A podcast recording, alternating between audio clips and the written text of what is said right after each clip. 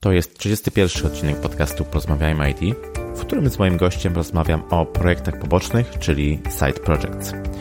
Przypominam, że w poprzednim odcinku poruszyłem temat SODA, czyli Polskiego Związku Pracodawców Usług IT. Chcę poszerzać horyzonty ludzi z branży IT i wierzę, że poprzez wywiady takie jak ten, publikowane jako podcasty, będę to robił sukcesem. Wielkie dzięki za wszystkie maile, wiadomości i recenzje podcastu. Miło, że to co robię jest dla kogoś wartościowe. Ja się nazywam Krzysztof Kępiński i życzę Ci miłego słuchania. Odpalamy.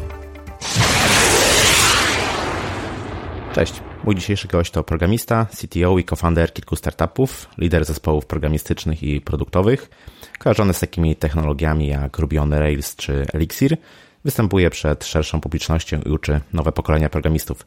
Prywatnie fan rozwoju, nowych technologii i wycieczek rowerowych. Moim waszym gościem jest dzisiaj Łukasz Łażewski. Cześć Łukasz, bardzo się cieszę, że będziemy mieli okazję porozmawiać i że zgodziłeś się przyjąć zaproszenie do podcastu. Cześć Krzysztof, e, dzięki za zaproszenie. No właśnie, dzisiaj porozmawiamy sobie o takim fajnym temacie, który bardzo trudno jest przetłumaczyć na język polski, który z angielska nazywa się Side Projects albo Pet Projects, a po polsku chyba najlepiej projekty poboczne. Łukasz ma spore doświadczenie w tym temacie, więc ruszamy z tym tematem. Łukasz, e, ja zawsze na początku zadaję takie pytanie na rozruch. E, czy słuchasz podcastów? Jeśli tak, to jakich najczęściej? Tak, zdarza mi się słuchać podcastów. E, tak regularnie słucham czterech. Saster, Cycling Tips o rowerach, również Developer T i z, polsk z polskich Piotra Buckiego oraz Twój podcast. Świetnie, bardzo, bardzo fajna lista. Postaram się zalinkować to wszystko w notatkach do tego odcinka. No właśnie, projekty poboczne, czyli z angielska side projects, tak jak mówiliśmy, mało, co mało kto wie, wywodzą się ze świata muzycznego, gdzie muzycy różnych grup nagrywają razem coś, czego nie nagraliby w swojej macierzystej grupie, czyli robią coś zupełnie innego niż na co dzień. E, a czym są side projects w świecie programistycznym, Łukasz? Znaczy, dla mnie side projects są przede wszystkim niezobowiązującym sposobem na poeksperymentowanie z różnymi technologiami czy ciekawymi rozwiązaniami w kodzie. I czasem można zobaczyć na własną rękę, jak dane, e, jak załóżmy dana dziedzina problemowa może być rozwiązana przy pomocy innego języka programistycznego czy biblioteki, właśnie w celu poeksperymentowania. I to jest tak na początek. Natomiast e, Często zdarza się tak, że wynika to z faktu, że ktoś zauważa pewien brak, pewien, pewien, pewną potrzebę, e, którą następnie chcemy wypełnić, no właśnie takim pet projectem, czyli e, ro, znaleźć rozwiązanie przy pomocy takiego pet projectu. I tutaj już w dalszej części rozmowy może przytoczę parę przykładów, ale na, na, na szybko powiem Ci, że na przykład Nick Reynolds, e, który wymyślił projekt Tobi, jest to rozwiązanie jak, jak zapewne wiesz, w Elixirze jest coś takiego, co pozwala nam obserw odpalić obserwera Erlangowego i zobaczyć mhm. procesy e, oraz co tam się dzieje z naszymi aplikacjami OTP. Natomiast e, nie ma łatwego sposobu na to, żeby w pokazać to przy pomocy terminala. E, no i Nick wymyślił sobie właśnie, że zbuduje taką aplikację, która w terminalu po SSH pokazuje nam dokładnie to samo, co obserwer. Mhm. Czyli coś fajnego może z tego powstać. A wiesz co, ja ci muszę się przyznać, że sam miałem coś takiego, że pod wpływem chwili jakiegoś takiego zapału do zrobienia właśnie czegoś nowego, spróbowania jakiejś nowej technologii, podejmowałem się zrobienia czegoś, co później w jakiś sposób mnie po prostu zwyczajnie przerastało i o ile no raczej nie mam takiego słomianego zapału, to jednak no szybko odpuszczałem z racji na to, że czułem, że podjąłem się czegoś za dużego. Jakie miałbyś rady dla osób, które chcą w swoim czasie wolnym zrobić taki właśnie projekt poboczny, pet project, ale no, podjąć się go w ten sposób, żeby nie zrazić się zbyt szybko i nie zarzucić już po kilku dniach? Tak, to znaczy myślę, że kluczowe jest nie stawiać sobie nie wiadomo jakich celów. E, owszem, znane są przypadki, sam, sam znam parę takich osób, które, gdzie pet project stał się czyimś głównym zajęciem, ale zdecydowanie jest to wyjątek raczej niż norma. E, I wydaje mi się, że ludzie często zaczynają i nie kończą. Również tak mam. Powiem szczerze, większość czasu tak mam. Natomiast y, trzeba się zastanowić, jaki jest y, benefit tego, bo niekoniecznie jest to złe, dlatego że oczywiście mamy limit czasu. Natomiast każde, nawet najmniejsze doświadczenie czy lekcja z takiego projektu jest jak najbardziej wartościowa. E, Prosty przykład. Jako, że wywodzę się ze świata Java tam lata temu, e, to często zaczynam sobie coś dłubać Java, chociażby po to, żeby zobaczyć, jak to się wszystko pozmieniało, tak? Jak to tam od tej wersji 1.4, której używałem lata temu, jak to teraz wygląda. I tego typu podejście doprowadziło, że eksperymentuję z różnymi językami i nawet dzięki temu właśnie miałem możliwość poznać e, Elixira i zakochać się w nim jako języku funkcyjnym, ponieważ moim side projectem na, na pewnym etapie, tam 3 lata temu, było eksperymentowanie z językami funkcyjnymi.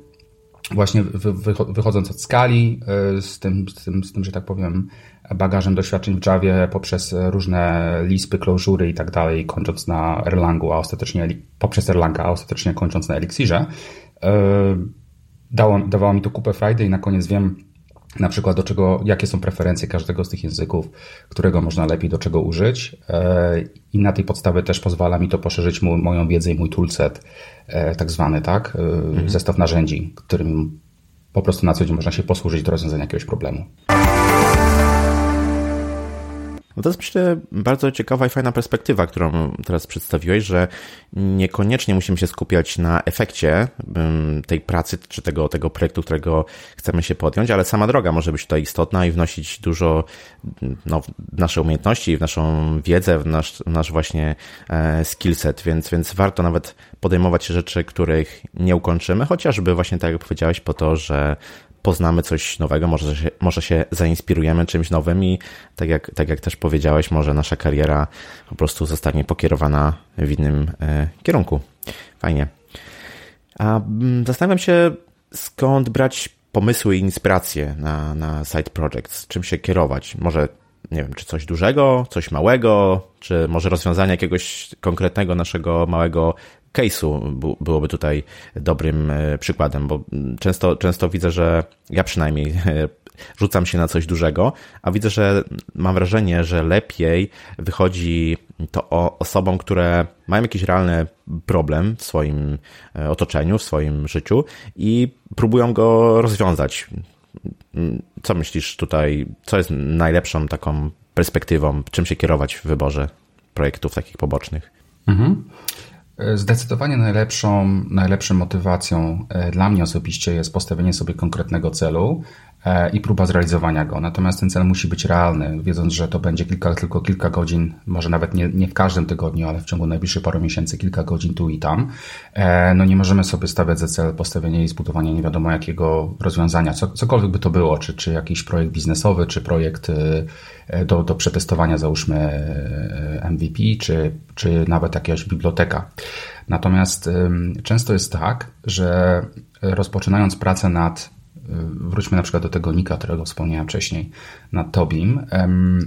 Jego potrzebą było to, że łącząc się po SSH do zdalnego systemu i oczywiście można sobie wyjąć e, tunelem e, ten zewnętrzny system do swojego laptopa również i sobie odpalić tego obserwera lokalnie, E, tego obecnego budowanego w Erlanga, ale dzięki temu rozwiązaniu, które on zaproponował, po prostu może zrobić to przez terminal, jest to lżejsze. Jednym z pierwszych problemów, jakim się spotkał, było y, no, biblioteka ncurses y, do rysowania w terminalu nie spełniała y, wszystkich jego potrzeb, dlatego powstał projekt Ratatouille w Elixirze, który de facto rozwiązuje to, to, te, ten problem najpierw, tak? Z czasem taki projekt Możesz, oczywiście on też e, służy innym celom, ale o tym za chwilę, e, bo, bo, bo potencjalnie rozwija się również i, i, i, ma pewne, nazwijmy to, e, marketingowe dla, dla Ciebie, dla, roz, dla zwiększenia Twojej wartości, czy, na, czy to na rynku pracy, czy w oczach innych programistów, o tak po prostu na spotkaniach, ma dość dużą wartość. I jeżeli widzisz, że inne osoby również zaczynają się w to angażować, ponieważ ten projekt jest potem na przykład otwarty na GitHubie i każdy może to przejrzeć, skomentować, otworzyć pull requesta z poprawkami czy nowymi, nowymi features, no to na pewnym etapie y, zaczyna się to samo nakręcać i taki projekt żyje własnym życiem, bo jakiś tam powstaje jakiś tam community wokół niego i, i, i temat rusza do przodu, prawda? Y, nawet, Pewnie. nawet to jest trochę naciągane, ale zaryzykowałbym stwierdzenie, że niektóre języki programowania powstały jako side projecty, prawda? Bo ktoś pracując w danym rozwiązaniu, nie, nie, nie wiem, jakiś konkretny, jakaś, jakiś konkretny problem, e, czy zarządzania pamięcią, czy, czy, czy sieciowy, e, czy konkurencyjności procesów, prawda, czy, czy paralizacji nie był rozwiązany odpowiednio i na tej podstawie powstał język dedykowany temu problemowi. Pewnie, czyli konkretny, konkretny problem do rozwiązania. To dla mnie to jest coś takiego, że bardziej e, czujemy wówczas motywację, żeby e, powiedzmy dążyć i przechodzić nieraz przez te trudne, trudne chwile, które z pewnością nastąpią, jeśli podejmujemy się powiedzmy, nie wiem, nowej technologii, nowego języka albo nieraz zupełnie innego aspektu mm, informatyki, bo, bo tutaj jak gdyby właśnie podawałeś przykłady, powiedzmy, backendowe, dajmy na to, prawda? Czyli poruszamy się oczywiście w różnych językach, czy w różnych mm, frameworkach, bibliotekach backendowych, mm, ale mm, można też podejść do tego inaczej, spróbować zrobić jakiś, jakiś e, side project, dajmy na to, nie wiem, z frontendu, albo jakiś DevOpsowy, czy, czy, czy coś zupełnie z innej, e, powiedzmy, dziedziny. I to też myśl, myślę, że tak, to myślę, że też wnosi bardzo du dużo do naszego rozwoju jako e, programisty, bo Y, no, poszerzamy, poszerzamy te, te horyzonty i, i lepiej mm, pozwala nam to zrozumieć, czym, no nie wiem, informatyka albo programowanie samo w sobie jest, prawda? Więc, więc warto, mm, warto szeroko patrzeć na tą dziedzinę. No i właśnie, te projekty, o których mówimy, dla mnie to jest taka doskonała e, szansa na naukę. Wiadomo, mhm. że robimy wówczas pewnie mnóstwo błędów. Można porównać nas do, do, takich dzieci, które gdzieś tam się uczą dopiero e, chodzić, ale jednocześnie no, mnóstwo, mnóstwo się uczymy. E, I czy taki kod, który powiedzmy powstaje w wyniku takich zabaw, eksperymentów, jakkolwiek to nazwać, jest według Ciebie wart pokazania na, na, gdzieś na zewnątrz? Wspomniałeś na przykład o, o, o GitHubie, prawda? Czy, czy, czy warto w ogóle mm, właśnie wystawiać ten kod na, na, na widok publiczny, nie wiem w jaki sposób może go dokumentować w postaci bloga, co jest ostatnio dosyć, dosyć modne. Myślisz, że to ma, ma jakiś sens? Tak, e, zdecydowanie uważam, że ma to sens. E, po pierwsze, mogą powstać z tego bardzo fajne materiały, właśnie edukacyjne dla innych osób, które będą miały po, po, podobny problem do zaadresowania. A poza tym, e, wydaje mi się, że na pewnym etapie twoja, ta osoba, tej osoby, która prowadzi taki projekt, kultura pisania kodu, e, staje się wizytówką takiego człowieka. I teraz jeszcze tak właśnie na chwilę wracając do poprzedniego wątku, e, często jest tak, tak jak powiedziałeś, że nie wiem, pracujesz w backendzie i chcesz się nauczyć czegoś innego, spróbować mobila, nie zawsze w pracy masz taką możliwość, prawda? Ponieważ e, na co dzień pracując dla klienta czy, czy, czy w jakiejś dużej firmie, e, jesteś jakby no, przywiązany do tej technologii, której używacie. I to jest związane z bardzo wieloma czynnikami biznesowymi, nad którymi nie masz kontroli. I by się odpowiednio rozwijać samemu i kontrolować tą sytuację, możesz właśnie podoświadczać. I dla mnie to jest takie doświadczenie. I udokumentowanie tego doświadczenia, doświadczenia na GitHubie e, bądź w postaci bloga e, pozwala pokazać nawet, e, nie wiem, zewnętrznemu rekruterowi, tak jak ja na przykład, jeżeli technicznie rekrutuję daną osobę i widzę przejaw pewnej pasji i zainteresowania e, do tej technologii, o której rozmawiamy, czy na, na stanowisko, jakie rekrutujemy, to jest to nierzadko dla mnie dużo bardziej wartościowe niż chociażby to, że przychodzi ktoś inny i ma 3 lata wpisane, że to robił w ramach swojej codziennej pracy. Ponieważ ja jako programista też doskonale rozumiem, że jak złapie tak zwanego przysłowiowego bakcyla, e, to ta wiedza wchodzi zupełnie inaczej niż po prostu w, w tych, w, w, tych e, warunkach takiej no, pracy regulowanej jakimiś tam godzinami czy coś. E, I to jest ten element, dlaczego uważam, że potwornie warto pokazać światu, co się, co się robi. I tutaj zahaczamy, myślę, o taki aspekt jakości tego kodu, który, który tworzymy. No właśnie, jak to z tym jest, bo jak znaleźć, powiedzmy, takie wyważenie czy złoty środek nie nabywania złych praktyk, mm, prawda, a poświęcania zbyt wiele czasu, żeby wchodzić w detale, wchodzić e, w konkrety.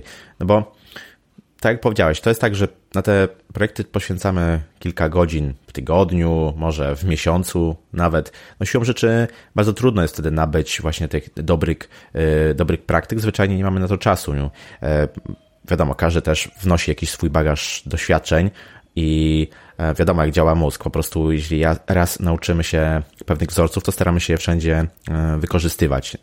I mm, zastanawiam się, jaki tutaj właśnie jest e, najlepszy, jakie tutaj jest najlepsze podejście, gdzie znaleźć to wyważenie pomiędzy mm, dobrymi praktykami, a jednocześnie gdzieś pójściem z tym projektem do przodu, czyli no, e, osiąganiem jakichś rezultatów, jakichś wyników mierzalnych do, do zobaczenia, do pokazania, po to, żeby nas po prostu to motywowało do dalszej pracy. Mhm. Tak, to jest świetne pytanie. E, jednym ze sposobów, Może inaczej. Nie wiem, czy pamiętasz, na przestrzeni lat 2005 i 2011 jakoś tak była olbrzymia moda e, na single page applications i one wszystkie się wzajemnie do siebie porównywały przy pomocy takich aplikacji e, Get Things Done, To Do List. I to, co jest, e, na przykład to stało się pewnego rodzaju dla mnie takim powtarzalnym sposobem na wykonanie projektu, na przykład przy pomocy innej technologii. Czyli weźmy sobie e, weźmy sobie e, Chicago Boss, framework webowy Erlangowy, którym się bawiłem i dla mnie jakby wybrałem sobie jakąś tam dziedzinę problemową, którą miałem rozwiązaną, nie wiem, w Railsach czy, czy w Javie wcześniej i chciałem zobaczyć, jak to jest postawić rest, RESTfulowe API, e, no właśnie przy pomocy Erlangowej, Erlangowego frameworka webowego. Kiedy już mi się to udało, to mam bardzo fajny punkt odniesienia między tymi trzema rozwiązaniami, mimo że one są identyczne, w sensie z punktu widzenia biznesowego, ale nie kodu. I wtedy widzę, aha, okay, tu jest dużo prościej, łatwiej i lepiej się testuje. Na przykład jest izolacja testów, e, nie wiem, potem jak wszedł Elixir, to change sety i cała reszta, e, versus, nie wiem, jakieś tam rozwiązanie w Railsach, jak to się robi w Active Record. I ten punkt odniesienia powoduje, że starasz się napisać te projekty, nazwijmy to pod e, pod pewien już obrany e, wzorzec. A to pozwala ci starać, się odzwierciedlić z tego wzorca wszystkie rzeczy w, nowym, w nowej technologii. Czyli na przykład jak się pisze teraz tekst, testy, unit testy, czy testy integracyjne przy pomocy tej nowej technologii i tak dalej, prawda? I na tym, na tym, na tym poziomie dochodzisz do mm, momentu, w którym e, Obecna znajomość dziedziny problemowej oraz poprzednia implementacja tego projektu w czymś innym potencjalnie wyznaczają Ci kierunek, jak nie zejść z trasy jakości.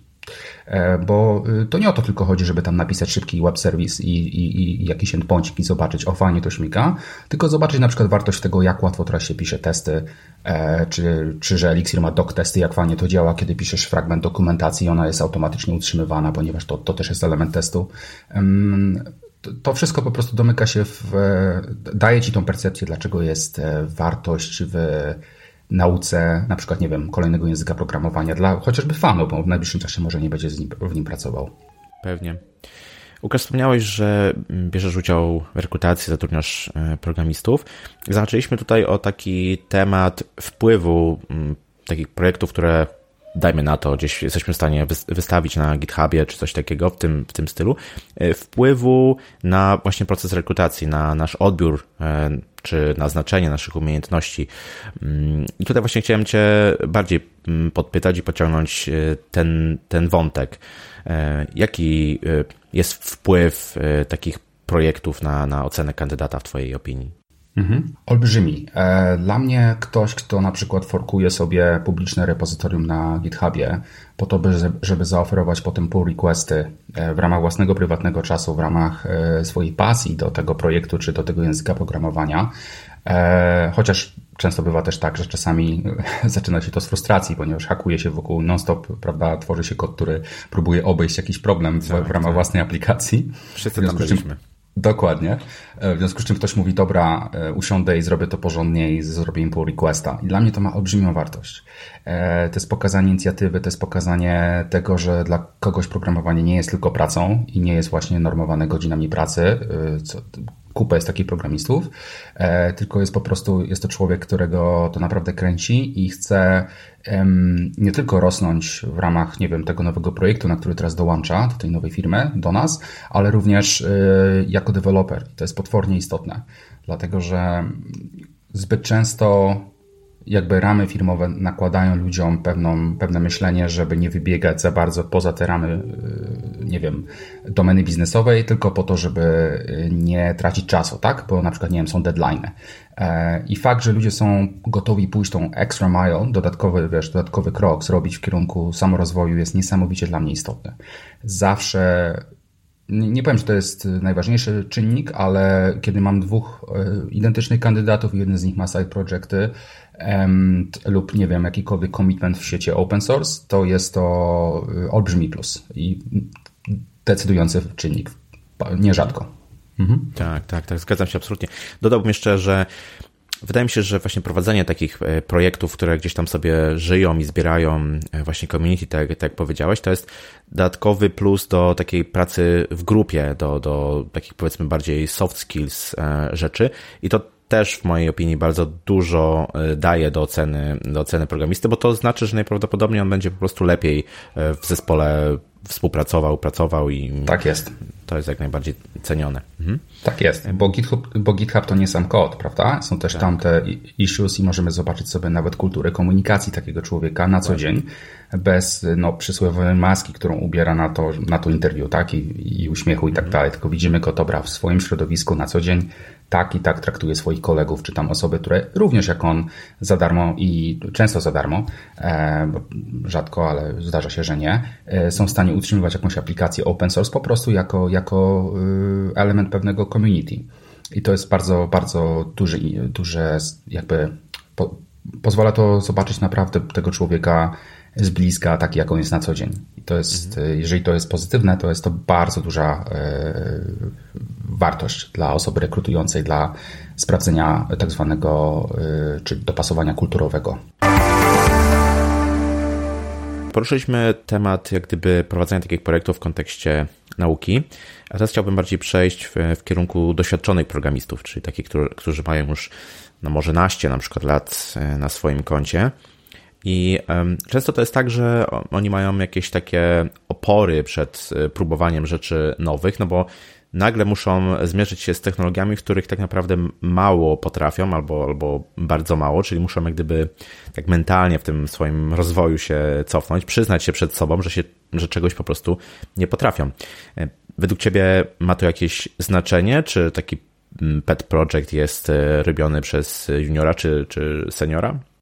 Nie wydaje mi się. E, moim zdaniem to jest trochę tak, że w zależności od tego, na jakim jesteś etapie rozwoju i swoich umiejętności koderskich, zawsze znajdzie się temat, który Cię zainteresuje, e, lub zawsze znajdzie się temat, z którego możesz się nauczyć czegoś nowego.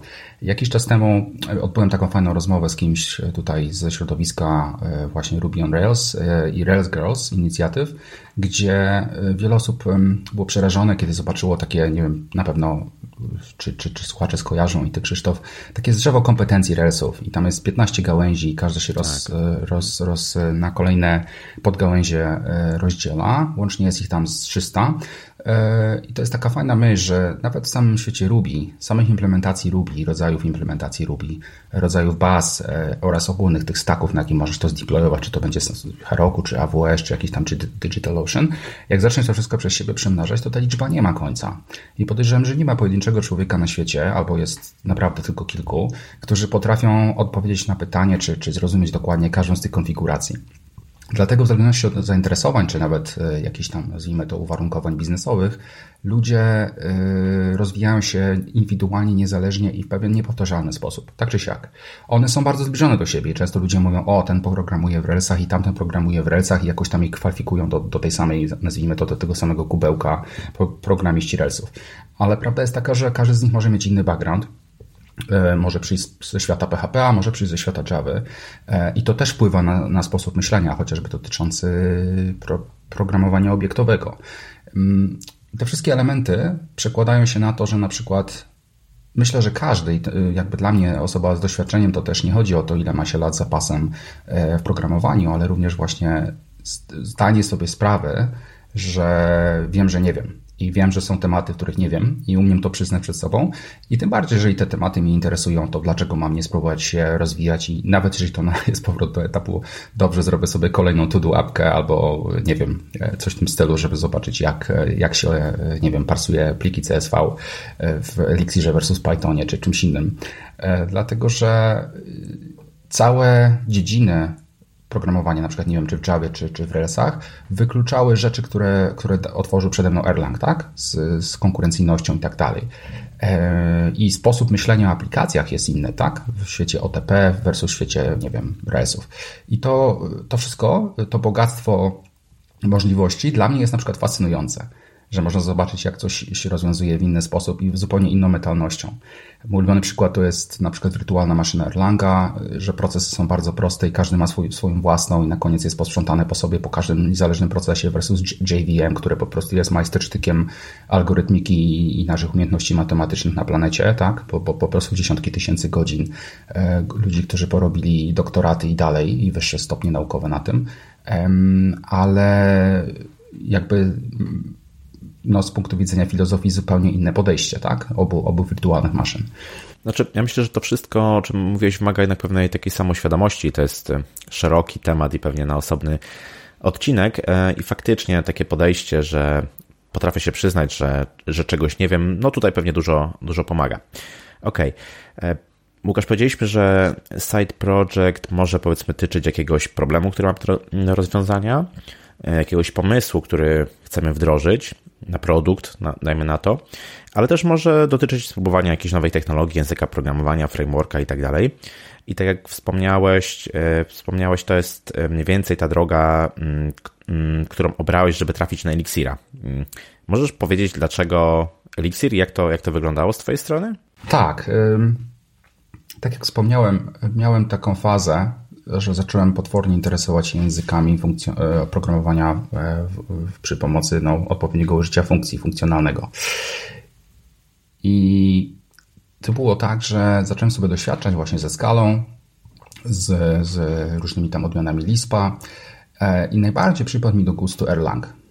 Po prostu bawiąc się Erlangiem, testując go y, w różnych jakby, również w tym rozwiązaniu takim, że w kilku terminalach otwierasz wirtualną maszynę i potem robisz sobie connection widzisz jak, te, jak, ten, jak to przekazywanie sobie wiadomości między procesami działa, e, co się dzieje, jak to wszystko się wysypie i samo wstaje przy pomocy superwizorów, potwornie mnie wciągnęło i zacząłem się bawić e, właśnie, tak jak wspomniałem wcześniej, tym Chicago Boss. Jest to framework e, webowy, troszkę na, na wzór Railsów, ale w tej chwili już nawet chyba nie rozwijane. Był rozwijany przez jednego, może dwie osoby przez, przez krótką chwilę i tam bardzo mocno brakowało e, nazwijmy to toolsetu, tak? czyli narzędzi, które pozwalały Ci automatycznie projekt budować, automatycznie deployować, odpowiednik array tasków, czy tego, co teraz ma Elixir, mix tasków, i czasem wpadłem, wpadł mi w ręce właśnie Elixir, zbudowany też na tym, e, na tym EVM-ie, na Erlang Virtual Machine, e, z możliwością de facto odwoływania się, ponieważ to się wszystko potem kompiluje do Bima, tak czy siak, więc z możliwością odwoływania się do również e, funkcji Erlangowych i bibliotek, modułów Erlangowych. A co więcej, i to jest taka może drobnostka, ale dla mnie miało to olbrzymie znaczenie, semantycznie, wizualnie bardzo podobny do Ruby, co jest potwornie zachęcające, zwłaszcza jeżeli już Ruby pracowałeś. Oczywiście na koniec dnia nie ma, to, nie ma za wiele wspólnego z Ruby, bo pipowanie i przekazywanie funkcji, cała, cała filozofia jest zupełnie inna. jest zupełnie inny. Tak. tak, tak, dokładnie. Natomiast, natomiast y, jakby pierwsze wrażenie jest takie, o kurczę, właściwie przechodząc krok dalej, można się nauczyć y, nowego języka.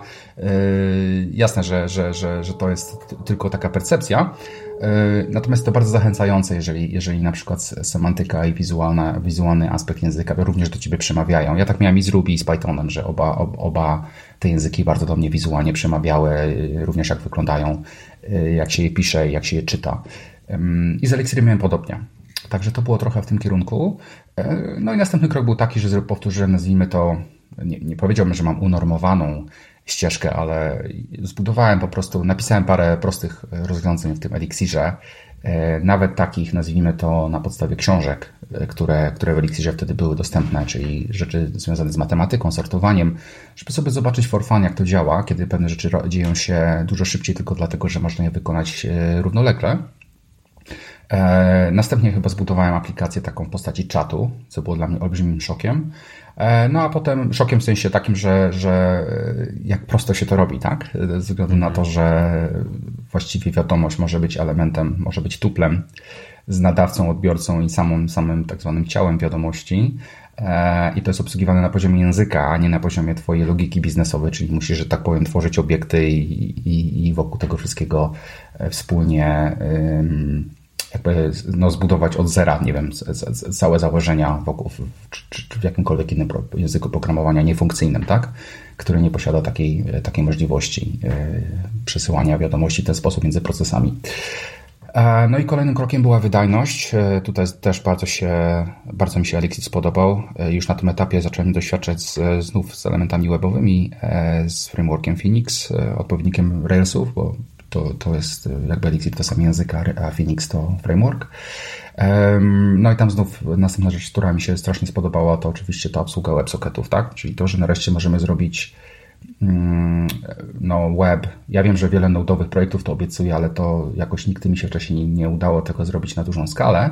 Natomiast w Elixirze znów ze względu na skalowalność procesów i tego, że cały, cały backend serwerowy się klastruje w jeden wielki serwer, e, oczywiście tutaj używam wielu skrótów myślowych, ale docelowo mniej więcej tak to wygląda, pozwala mi to, pozwalało mi to robić, wiesz, rozwiązania, w których, no nie wiem, masz 5-6 y, tysięcy wirtualnych klientów na swoim czacie i wszyscy do wszystkich broadcastują z poziomu jednego laptopa, na którym to puszczam i, i on nie dostawał żadnej zadyszki, tak? I to było niesamowite. Mhm. Tak, to, to mniej więcej tak się to potoczyło. Natomiast potem y, jak, y, jak już się nadarzyła okazja, to po prostu e, zaangażowałem się w kilka projektów, najpierw jako freelancer, a potem ostatecznie zbudowałem, e, rozpoczęliśmy pracę nad własnym startupem, również tej technologii. Nie powiem, były pewne opory i wątpliwości, ale również przekonującym argumentem było to, że sporo osób ze świata RLS-u czy ze, ze świata innych rozwiązań webowych ma w tej chwili taką właśnie um, ich ścieżka kariery zmierza w kierunku Elixira a to dawało nam olbrzymie możliwości również e, jakby rekrutacyjne, fantastycznego talentu osób, które po prostu właśnie przy pomocy chęci do samorozwoju i poznania nowej technologii były gotowe dołączyć na nasz projekt. Wiesz co, przypomniało mi się, że jak mówiłeś o, o tym próbowaniu przykład nowych języków, e, czy, czy implementowaniu, dajmy, dajmy na to jakichś algorytmów albo jakichś rozwiązań, przypomniał mi się taki serwis, który E, bardzo w tym pomaga właśnie próbowanie, e, testowanie sobie jakichś nowych języków. Ten serwis nazywa się exercism.io. On się składa gdyby zestawu takich ćwiczeń, powiedzmy, do, do zrobienia o rosnącym poziomie trudności. Tam jest naprawdę mnóstwo różnych języków programowania, więc e, polecam zawsze też w notatkach tutaj link do, do, do, do tego serwisu. On jest darmowy, więc warto sobie spróbować po to, żeby potestować właśnie różne języki i może, tak jak właśnie jak Łukasz powiedziałeś, może Anusz, e, któryś ze słuchaczy po prostu zakocha się, dajmy na to, w czymś, w czymś e, innym. Mm, no ale tutaj no nie, pewnie nie ma innej drogi, no trzeba, trzeba sobie na warsztat wziąć po prostu jakiś język i, i popróbować. Mhm. Mhm. No dobrze, a kiedy wobec tego, kiedy mm, powinienem już mm, widzieć jakieś oznaki, albo kiedy powinienem zauważyć, że jest czas na zakończenie takiego e, projektu, e, kiedy jest czas na pożegnanie się z projektem i skupieniu się na czymś innym. Tak, e, w takim razie wydaje mi się, że jakby kluczowe jest to, czy w ramach własnego postawionego tego, tych oczekiwań, czy ta aplikacja już w ramach wymagań biznesowych, które sobie przyjęliśmy, robi to, co miała robić, czy biblioteka? I po prostu otestowanie tego pod kątem perspektyw, które były elementem naszego celu, tak? czyli zbudowanie takiej aplikacji Get Things Done ponownie, e, już najprostszy przykład, tylko po to, żeby zobaczyć, jak implementacyjnie różni się, nie wiem, w kolejnym e, w kolejnym jakimś tam single page application, nie wiem, Angularze od Embera, czy w Emberze od e, czegoś tam innego. Możemy na tej podstawie właśnie dojść do, wyciągnąć odpowiednie wnioski i stwierdzić, czy, czy przy kolejnym projekcie chcemy na tym pracować. Ale przyznam się, że zdarzały mi się sytuacje, kiedy no, zaczynałem łapać frustrację i miałem wyrzuty sumienia, że coś nad czym, co sobie postawiłem za cel, nie jest realizowane i ostatecznie po prostu to, jakoś to się rozchodziło po kościach, zapominałem o takim projekcie. Po, po, po wielu miesiącach mam taką myśl, że to jest element pewnego, nazwijmy to, za ambitnego celu. I ten cel w pewnym momencie zaczął no, wpływać na mnie negatywnie, ponieważ e, czułem się źle z tym, że nie rozwijam takiej aplikacji. I wtedy też trzeba sobie uczciwie powiedzieć, chwila, moment, e, to ma być dla zabawy, tak? To ma być dla nauki. I jeżeli nie czuję tej frajdy, to po prostu tego nie robię i te, czy ten projekt gdzieś tam archiwizowałem, czy go, czy go już nawet usuwałem, żeby mnie to nie, nie, no to w pewnym sensie nie stresowało dalej. Pewnie, czy nic na siłę, jeśli już czujemy, że Dokładnie. Nie, mamy, nie mamy tego fanu, nie ciągnie nas po prostu, żeby tak, żeby do, ten dodatkowy czas poświęcać, to, to pewnie już jest najlepsza ozna, oznaka, że, że pora to zakończyć i może spróbować czegoś nowego. Mhm.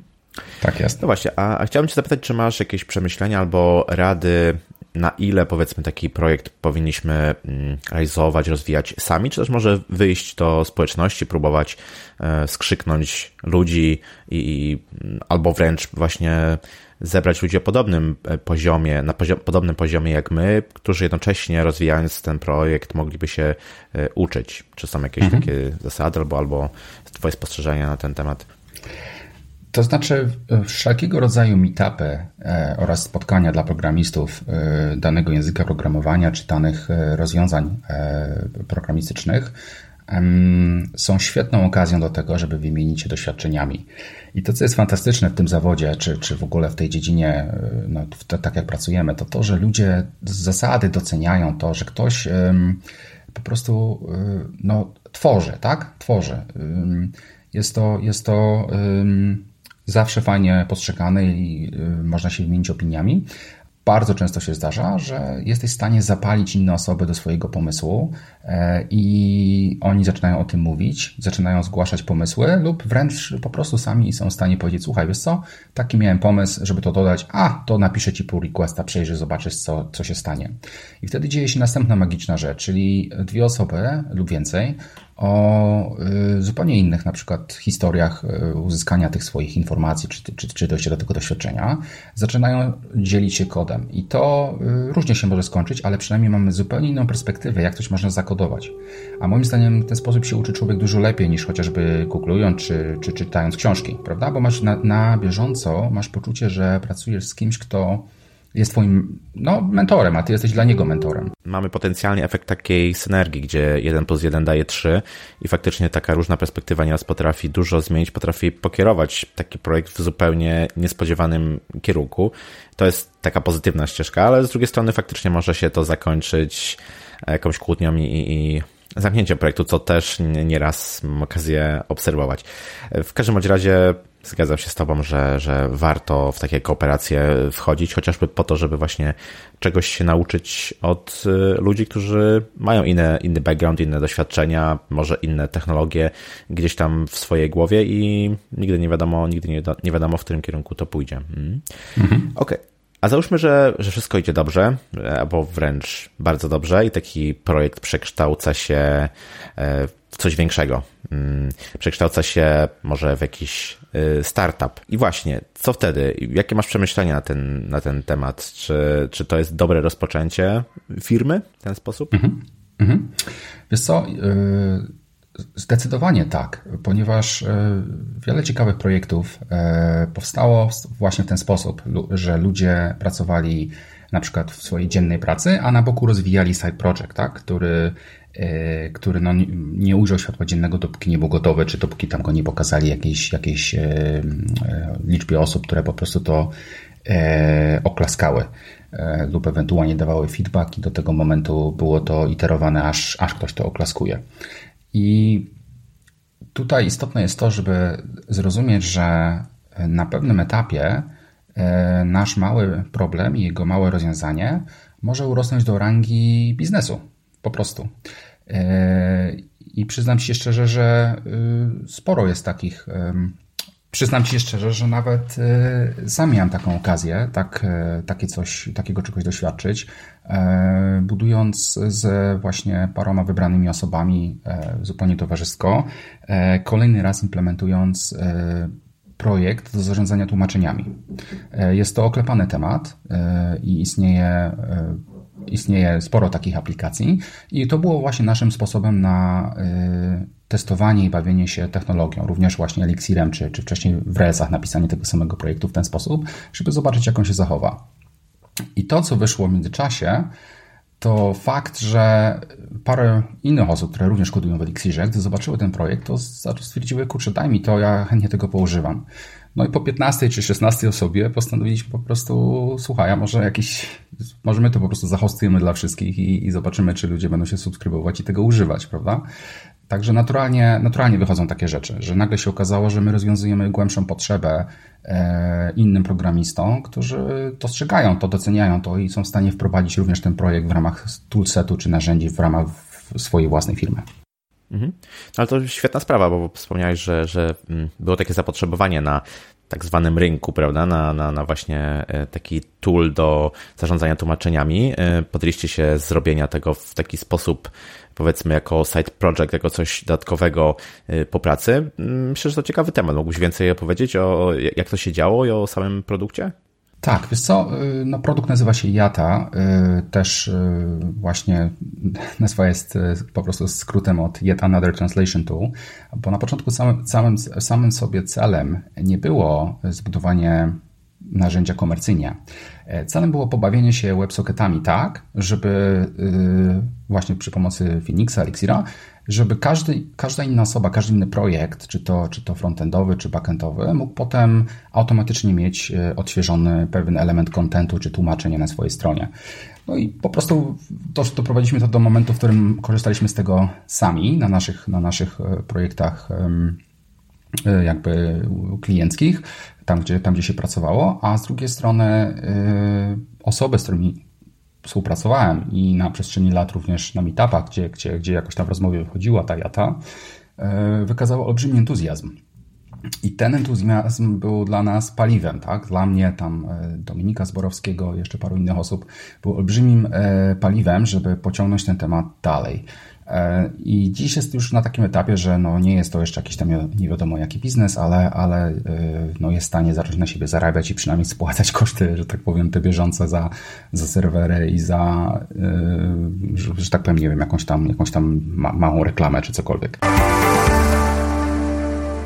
No właśnie, ten projekt jest, jest dostępny w sieci, tak de facto można z niego już korzystać pod adresem yataapp.net. Link też będzie E, w opisie do odcinka i wiem, Łukasz, że masz specjalny prezent dla słuchaczy podcastu. Tak, e, właśnie chcieliśmy zaproponować wszystkim e, polskim słuchaczom Twojego podcastu po prostu 20% zniżkę. Jest to specjalny link, który będzie dołączony do notatek pod tym odcinkiem. Także zapraszam, żeby przetestować. Jest to, jest to rozwiązanie, które jest no, unikatowe w swojej prostocie, ale oferuje kilka wyjątkowych, e, wyjątkowych rozwiązań, które lubię wierzyć są naprawdę unikatowe w, skale, w skali wszystkich e, naszych konkurentów. No i pozwalają bardzo uprościć system zarządzania kontentem czy, czy, czy właśnie tłumaczeniami na projekcie, nawet jeżeli ma się tylko jeden język. Super, dzięki wielkie Łukasz. E, zapraszam do zapoznania się z, z aplikacją i właśnie z tą ofertą. A ja jeszcze chciałbym e, Ciebie zapytać, bo z tego co obserwuję na rynku właśnie firm, które w jakiś sposób zajmuje się, zajmują się programowaniem, obserwuję taki trend inwestowania e, w możliwość realizowania takich dodatkowych projektów, nawet w czasie pracy. I to oczywiście wyszło od takich gigantów jak Google czy Facebook, ale już teraz nawet mniejsze e, startupy mają powiedzmy jakieś, no może nawet nie, nie cały dzień w tygodniu, a chociażby kilka godzin przeznaczone na taką swobodną zabawę, swobodne eksperymentowanie z jakimiś technologiami czy frameworkami. I to jest czas, za który powiedzmy płacą jak za normalne godziny poświęcone na pracę. Jaką według Ciebie daje to wartość obydwu stronom, w sensie pracownikowi i pracodawcy? Tak, wydaje mi się, że to jest doskonały sposób na prowadzenie innowacji w organizacji. Google jest prawdopodobnie najlepszym przykładem. Tu od lat y, wiem od znajomych, którzy po prostu się o Google otarli, czy, czy są w nim nawet cały czas, że y, no 20%, czyli piątki na przykład są tak zwanym dniem y, no, pracuj nad czym chcesz w ramach Google'a i tam strategii Google'a. E, no, może nawet niewiele osób to wie, ale warto przytoczyć, że Gmail jako no, w tej chwili chyba najbardziej popularna i, i dopracowana usługa poczty, poczty dla, dla, dla, dla każdego w internecie powstał właśnie jako taki projekt. E, I istotnym jest, że e, czasami Zresztą dzisiaj widzimy wielką ewolucję że w kierunku myślenia, że to nie management podejmuje decyzję i strategię długofalową, tylko oddolnie pozwala się pracownikom e, współtworzyć wizję firmy i współtworzyć produkt. E, I często osoby w managemencie na przykład nie są w stanie dostrzec nawet potencjału czegoś tak prostego jak Gmail, który oczywiście no, dla Google stał się elementem podstawy profilowania użytkowników do, pod reklamę, ale w przypadku innych organizacji również pozwala y, na bardzo pożądane elementy przewagi konkurencyjnej, prawda? Bo jest to, jest to forma RD, jest to forma e, jest to forma podoświadczenia, które nawet jeżeli się podejmie decyzję, że coś nie działa, jest to doskonałe, doskonałe, mm, doskonałe doświadczenie, żeby zebrać argumenty przeciwko czemuś. E, nie wiem, weźmy sobie rynek hardware'u, jak, jak e, wszyscy teraz idą w kierunku tych klikowalnych ekranów czy klikowalnych laptopów, dotykowych ekranów. I można to lubić, można tego nie lubić, ale są firmy, które jasno mówią, słuchajcie, my w to nie pójdziemy, ponieważ nasze testy i jakby bawienie się w tym kierunku i doświadczenia w tym kierunku pokazały, że to nie ma sensu. I, i, I oczywiście nie wiem, na ile w tym wypadku są to, są to inicjatywy oddolne, ale y, chodzi mi nawet, y, chodziło mi tutaj o po prostu pokazanie argumentu przeciwko y, robieniu czegoś tylko dlatego, że nie wiem, taki jest mainstream, kultura rynku czy decyzja samego zarządu. Myślę, że tutaj jest też taki element może trochę employer brandingu albo takiego utrzymania pracowników podniesienia ich motywacji i takich, takich rzeczy, które mm, może nie są właśnie bezpośrednio widoczne, ale mimo wszystko w jakiejś takiej długofalowej perspektywie przyczyniają się do tego, że no, firma rozwija się po prostu lepiej. Tak, to również zdecydowanie. Tylko to, z czym się spotykam, to w zależności od tego, jak, z jakim człowiekiem się rozmawia, to ludzie nie potrafią sobie często wyobrazić tego, że ktoś im po prostu da 20% czy 10% ich czasu na, na, na dowolne rzeczy, e, albo firma, czyli management ma złe postrzeganie E, takiej sytuacji, czyli na koniec dnia, ok, to jest 20%, które możesz zrobić, jak, wykorzystać jak chcesz, ale nadal ma to przynieść ileś tam zysku. I jeżeli te OKR-y czy te KPI nie są odpowiednio ustawione dla pracownika, czy jego menedżera, czy, czy menedżera jego menedżera, to, to, to, to nie zadziała. Dlatego bardzo niewiele osób ma w tej chwili takie doświadczenie wśród tych, których się obracam, że widziało działający system, w którym ok, ludzie są e, nagradzani lub zachęcani do tego, żeby robić rzeczy na boku. Faktycznie, bo to jest niełatwa, niełatwa sprawa. Pewnie, pewnie osobny podcast można byłoby na ten temat tak. nagrać. Tak, filozoficzny już Dokładnie. bardziej tak. Dokładnie. Okej, okay, Łukasz, to mm, na koniec proszę podziel się jeszcze, jakie pet project sam zrealizowałeś, bo po części zahaczyłeś, zaczęliśmy trochę o ten temat. No, czy nadal planujesz, jak gdyby w ten sposób się rozwijać? Tak, wiesz, dzisiaj już trochę jest mniej czasu, e, bo jakby no, prowadzenie własnego startupu ma, ma to do siebie, że, że e, no, jest tego czasu mniej, ale e, na przestrzeni ostatnich paru lat, no zdecydowanie, wiesz, pisałem małe, małe proste dżemy do Railsów, czy, czy, czy jakieś rozszerzenia do istniejących bibliotek, E, które rozwiązywało dokładnie mój potrzebny, konkretny problem.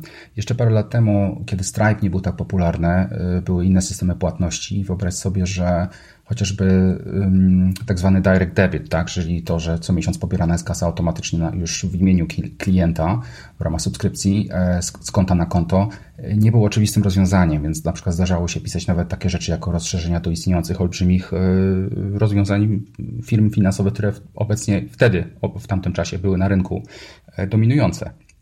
I myślę, że było olbrzymim benefitem dla tych firm na przykład open sourceowanie swoich rozwiązań, dlatego że community, właśnie środowisko programistów po prostu dopisywało im te rozwiązania.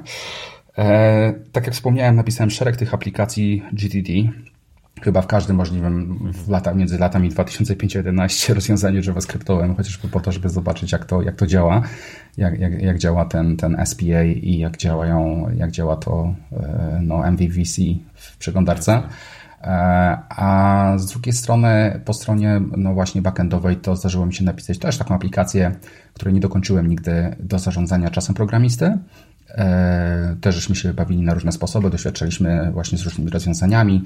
E, też powstała trochę taka nieoficjalna grupa, która to tworzyła, która się z czasem rozpadła, a ostatecznie no, taką rzeczą, która dojrzała już do tego, żeby być niezależną, nazwijmy to działalnością i właśnie, właśnie inicjatywą biznesową w tej chwili jest Jata. Świetnie, Łukasz, Ci y, bardzo dziękuję za podzielenie się swoją wiedzą i doświadczeniami w tym temacie. Jeszcze raz przypominam właśnie o yataapp.net i o promocji, którą Łukasz przygotował. Także z mojej strony wielkie, wielkie dzięki Łukasz i powiedz na koniec jeszcze, gdzie Cię można znaleźć w internecie. Tak, y, jestem jeszcze śmieszna historia z czasów studiów. E, mam taką ksywkę Luki 3K5, bo 3K5 to jest 3005, to był mój numer indeksu studenckiego, w związku z czym, w związku z czym e, jestem Luki 3K5 praktycznie wszędzie, tak? Czyli dowolne social media, czy, czy, czy Gmail, czy nie Gmail, to po prostu jestem Luki 3K5. Więc jeżeli to się wrzuci w Google'a, czy ewentualnie się napisze maila pod ten adres na, na gmail.com, to to do mnie dotrze. Tak samo tam jest, tam jest też link do Facebooka, także ewentualnie zapraszam również, żeby się połączyć na Facebooku śmiało. E, też jestem Luki3K5 na Facebooku, chociaż to jest nick, a występuje pod moim imieniem i nazwiskiem e, w wersji bez polskich znaków. Także zapraszam. Dziękuję Super. Krzysztof za to, że e, żeś mnie zaprosił do odcinka. Cała przyjemność po mojej stronie. Dzięki wielkie Łukasz. E, wszystkie linki, tak jak mówiłem, będą w, w opisie do odcinka, także tam też e, zapraszam. No i jeszcze raz wielkie dzięki Łukasz. Do usłyszenia. Trzymaj się, cześć. Dziękuję serdecznie, cześć. I to na tyle z tego, co przygotowałem dla Ciebie na dzisiaj. Mam nadzieję, że Łukasz zachęcił Cię do prowadzenia projektów pobocznych. I to nie tylko po to, by się rozwijać i sprawdzać nowe technologie, ale również po to, by mieć czym się pochwalić podczas rekrutacji. Przypominam Ci o prezencie od Łukasza w postaci zniżki na użytkowanie aplikacji do zarządzania tłumaczeniami Jata. Jak zawsze zapraszam Cię na fanpage na Facebooku. Jeśli słuchasz na stronie lub poprzez YouTube, to zapraszam Cię do zainstalowania aplikacji do słuchania podcastów i zasubskrybowania Porozmawiajmy IT. Słuchanie w ten sposób jest znacznie wygodniejsze i przyjemniejsze. Jeśli masz jakieś pytania, jak zawsze zapraszam Cię do kontaktu na krzysztofmałpa.porozmawiajmy.it.pl Miło mi było gościć w Twoich uszach. Ja się nazywam Krzysztof Kępiński, a to był odcinek podcastu Porozmawiajmy IT o projektach pobocznych. Zapraszam Cię do kolejnego odcinka już za dwa tygodnie. Cześć!